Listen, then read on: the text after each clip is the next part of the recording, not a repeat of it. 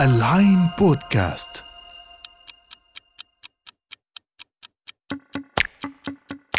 الساعة 25 الساعة اللي بتيجي بعد ما نقرأ نص أو نشوف فيلم. ونلف مع شخصيات خيالية برا الزمان والمكان. أنا سلمى أنور وحنتقابل أسبوعياً بالساعة ال 25 في المبيت الجامعي وأثناء ما كنت بدرس كانت لينا زميلة وصديقة سميناها وقتها جيوكاندا المبيت الجامعي. أصلها كانت أغلب الوقت متخذة وضع موناليزا دافنشي وضع السيدة الرصينة ذات الملامح الهادئة والابتسامة الغامضة. ولما كانت صاحبتنا الرصينة دي تحب تغير وضعيتها كانت تتخذ وضعا استاتيكيا آخر زي مثلا إنها تجلس لساعات تتأمل من شرفة غرفتها مآذن القاهرة أو تجلس لتحتسي كوبا من الشاي الساخن المنعنع في صمت وهي بتشاهد فيلم أبيض وأسود وليكن من أيام السيما الصامتة مثلا. أما في الحركة فكانت صديقتنا الجيوكاندا المصرية بطيئة بطيئة شديدة البطء مهما كان الوضع في تقديرنا يتطلب السرعة. يا الله على البطء والتقى ده يعني على حد تعبير أحد أصدقائنا من صعيد مصر كان بيقول قلبها قاعد وده تعبير صعيدي فيه إشارة لرباطة الجأش والهدوء والثبات الانفعالي. في حلقة النهاردة هنتكلم عن حالة جيوكاندا المبيت الجامعي باعتبارها المرأة النموذج والمدخل لاستعراض كتاب مهم يكون في مكتبتنا النهاردة وهو كتاب In Praise of Slowness اللي ترجم للعربية بعنوان في مديح البطء وعنوانه الفرعي حراك عالمي يتحدى عبادة السرعة وهو كتاب للكاتب الكندي كارل أونوري. يلا نفر الكتاب سوا. كتاب في مديح البطء ممكن نقول عليه محاولة إنسانية مشروعة جداً للتكيف مع جنون السرعة اللي بقى بيطحن أجهزتنا العصبية كل يوم في حالة لهاث ورا نمط معيشة لم يعد بإمكاننا الوقوف في مواجهته.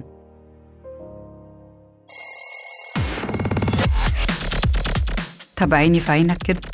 عيني في عينك وقولي مش بتصحى من طلعة الشمس تجري عشان تبدأ يوم شغلك؟ مش بتنزل عربيتك جري وفي إيدك المج الحراري المحكم فيه قهوة ملحقتش تشربها في مقعدك الوثير قبل ما تنزل؟ فهتضطر تشربها وأنت سايق بعيون نعسانة؟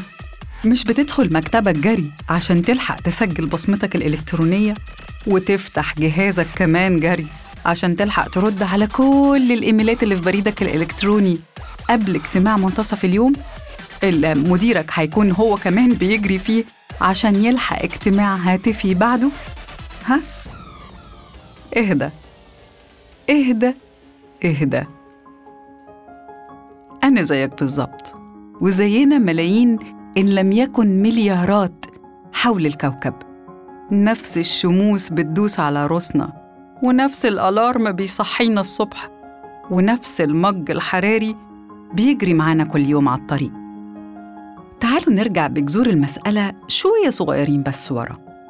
في سنة 1982 صاغ طبيب أمريكي اسمه لاري دوشي مصطلح كان جديد وقتها اسمه مرض الوقت. وده المصطلح اللي حاول بيه دوشي إنه يوصف الاعتقاد الوسواسي بإن الوقت بيجري مننا أو إن الوقت مش كفاية أو إننا محتاجين نركض باستمرار ورا الوقت. والواضح لينا النهاردة بالملاحظة إن مرض الوقت ده مش مرض مصاب بيه أفراد معينين بس ولا حتى جماعات أو شعوب بعينها. الواضح إن العالم كله النهاردة مصاب بمرض الوقت وكله كله بيركض ورا الزمن مدفوع بوسواس نفاذ الوقت. والمؤشرات على وقوع كوكبنا في الفخ ده النهارده كتيرة ومتعددة زي مثلا إن السرعة على الطرق باتت تالت قاتل على مستوى العالم. طب خد الأخطر من كده. تحقيقات الجهات المعنية في حوادث ضخمة الأثر وخطيرة وقاتلة بعينها أثبتت إن سرعة وتيرة العمل سببت إجهاد للعمال كان له دور سلبي كبير في أسوأ كوارث العصر الحديث زي اللي حصل في حادثة انفجار المفاعل النووي في تشيرنوبل.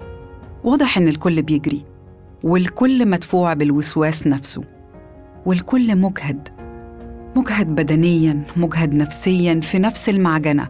كله بيركض. يعني يمكن يكون بنركض في بعض الأحيان ورا شيء غامض أصلاً. أونوري بيلفتنا في كتابه لحاجة تانية مهمة. إننا في قلب المطحنة دي بقينا أشبه بالعبيد لأشغالنا وللنظام الاقتصادي العالمي الذي لا يبالي بتكسير عظامنا. ويمكن يكون النموذج الأبرز عالمياً للحالة دي اترصد في اليابان. كفاية نعرف إن اللغة اليابانية بقى فيها اصطلاح حديث نسبياً هو كاروشي بمعنى الموت من الإفراط في العمل. الموت حرفيا مش مجازا. بالمناسبة عدد اللي بيموتوا حرفيا من الإفراط في العمل والإجهاد في اليابان بيقدر بالآلاف سنويا. ناهيك عن اللي بيقعوا في براثن الاكتئاب والمرض العقلي نتيجة الضغوط اليومية واللي الدراسات بتقول إن أعدادهم في العالم كله في ازدياد. بس الظاهرة مخيفة بشكل خاص في اليابان. الوضع مش مختلف كتير في أمريكا فالدراسات المتخصصة بتقول إن معدل متوسط نوم المواطن الأمريكي في العموم انخفض حوالي 90 دقيقة عما كان عليه من قرن من الزمان تقريباً. وعشان يجاري الموظف أو العامل الأمريكي الإيقاع الطاحن ده اضطر يلجأ لمنبهات أقوى شوية من القهوة اللي طبعاً ما بقتش بتؤدي الغرض بصورة كافية. وابتدى يلجأ للمنشطات وبعض المواد المخدرة اللي بتسبب إدمان لمستخدمها بدرجة خطيرة. وفي حال انسحاب تأثيرها بتتركه إما مكتئب أو عنيف. بس الأمريكي مستعجل والياباني مستعجل وأنا حضرتك وحضرتك كلنا بنعبد السرعة والعقيدة المخيفة والمجنونة دي بتسيبنا كلنا مستعجلين. وسامحين لعجلة الوقت تدهسنا وتسرق مننا مذاق تفاصيل اليوم الصغيرة اللي بتخلي الحياة حياة المذاق اللي الكاتب بيقول إنه بينتج عن اتصالنا العميق بالأشياء وبالآخرين وبأجسادنا بنفسنا وبالعالم يعني إنما إمتى؟ إمتى وإزاي مع كل الشاشات اللي محوطاك دي تمارس بهدوء فن ألا تفعل شيئا. إنك تخلو ببساطة لأفكارك وتنصت لحديثك الداخلي وتتأمل في عالمك. وفيك انطوى العالم الأكبر.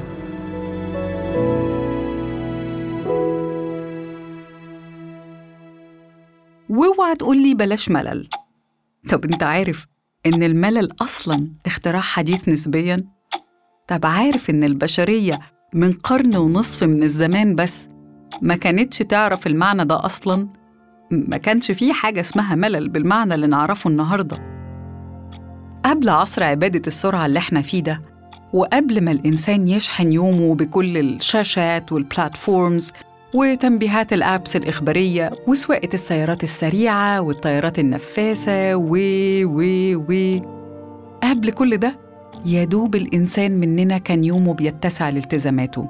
اللي كان بيأديها بدأب وبطء وعمق. وإلا فمنين جت كل الجداريات الفسيفسائية المتقنة وقطع الأرابيسك المنمنمة والمقطوعات الموسيقية السماوية الكلاسيكية اللي ورثناها عن الإنسان الأقدم دي؟ دي يا جماعة الخير مش منتجات إنسان مستعجل. ولا مشتت بحساباته على وسائل التواصل الاجتماعي. حتى بناء الأهرامات يا ناس تلك الصروح الخالدة في وجه الزمن.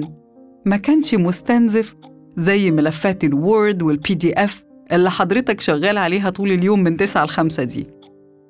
في سجلات تاريخية بتقول إن بناة الأهرامات من العمال والمهندسين والبنائين كانت تدار عليهم الوجبات وكؤوس الشراب. أثناء دوامات البناء الشاقة وكان كمان مسموح ليهم بالإجازات وأوقات الراحة. يعني بنوا ثلاث أهرامات دون أن يفقدوا سكينتهم وسلامهم الداخلي. وحضرتك فقدت سكنتك وأنت شغال فريلانسنج من منازلهم.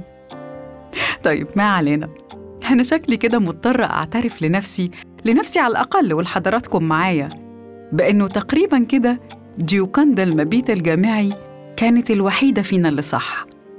الوحيدة التي استطاعت أن تحفظ رأسها فوق كتفيها وتتشرب تفاصيل يومها بهدوء وثبات وبطء.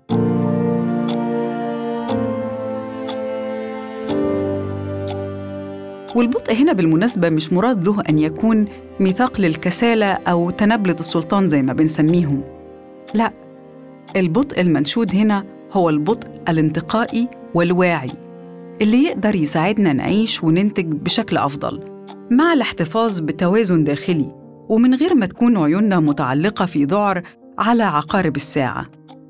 ده نوع البطء اللي بيدعونا ليه الكتاب اللي بيستدعي كمان أمثلة يدلل بيها على طرحه. من بينها مثلا حكاية السفينة العملاقة تايتانيك واللي سرعتها ما كانتش عامل مفيد في حالتها. تايتانيك اللي كانت في زمانها هي الأقوى والأضخم والأسرع ربما مع حجمها ووزنها كان الأنسب ليها إنها تكون بطيئة عشان تكون تحت سيطرة ربانها في اللحظات الحاسمة. كتاب في مديح البطء ببساطة بيعرف السرعة والبطء بعيداً عن وصف الزمن المستغرق لإحداث تغيير ما إنما بيعرف الاصطلاحين بشكل مختلف شوية.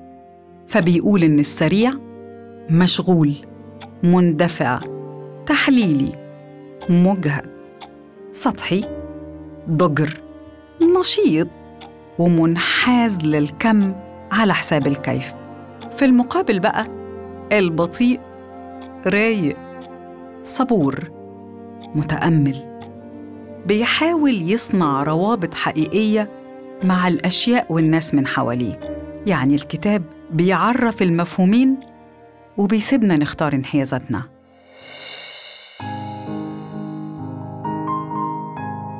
الكتاب كمان بيقدم لنا حركة ربما ما نعرفش عنها كتير في عالمنا العربي وهي حركة الطعام البطيء الدولية. ودي حركة على حد تعبير مؤسسها الإيطالي نضالها الأساسي يتمحور حول الحق في أن يحدد كل منا وتيرته الخاصة أو إيقاعه الخاص. لو عايز تركض اركض. ولو قررت تتوقف وتتأمل فليك مطلق الحرية إنك تعمل ده.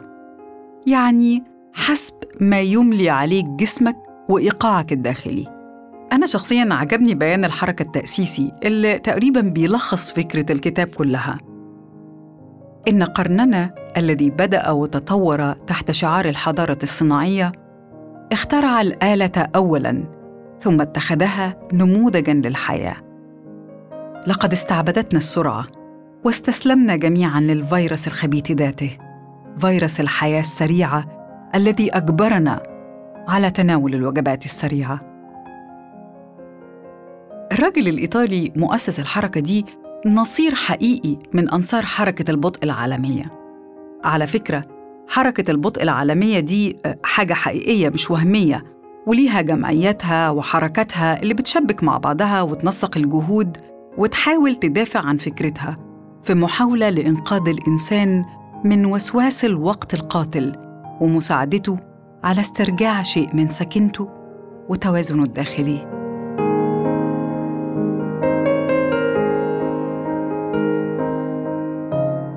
نرجع لجيوكاندا المبيت الجامعي واللي كانت على فكرة مدهشة جدا بالنسبة لي قبل كام سنة من دلوقتي لدرجة إني أفتكر كنت دايما أمازحها وأقول لها إني بكل صخبي والسرعة في حركتي واستعجالي المعهود قطعا حموت يوما ما منفجرة من الغيظ أمام حركتها الوئيدة أو جلستها كالموناليزا الساكنة أمام شرفة غرفتها.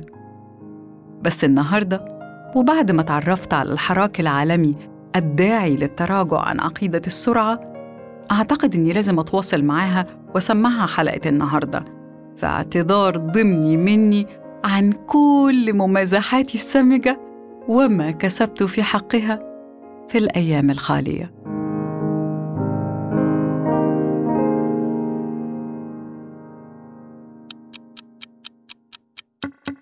بكده تكون خلصت ساعتنا ال 25 النهاردة.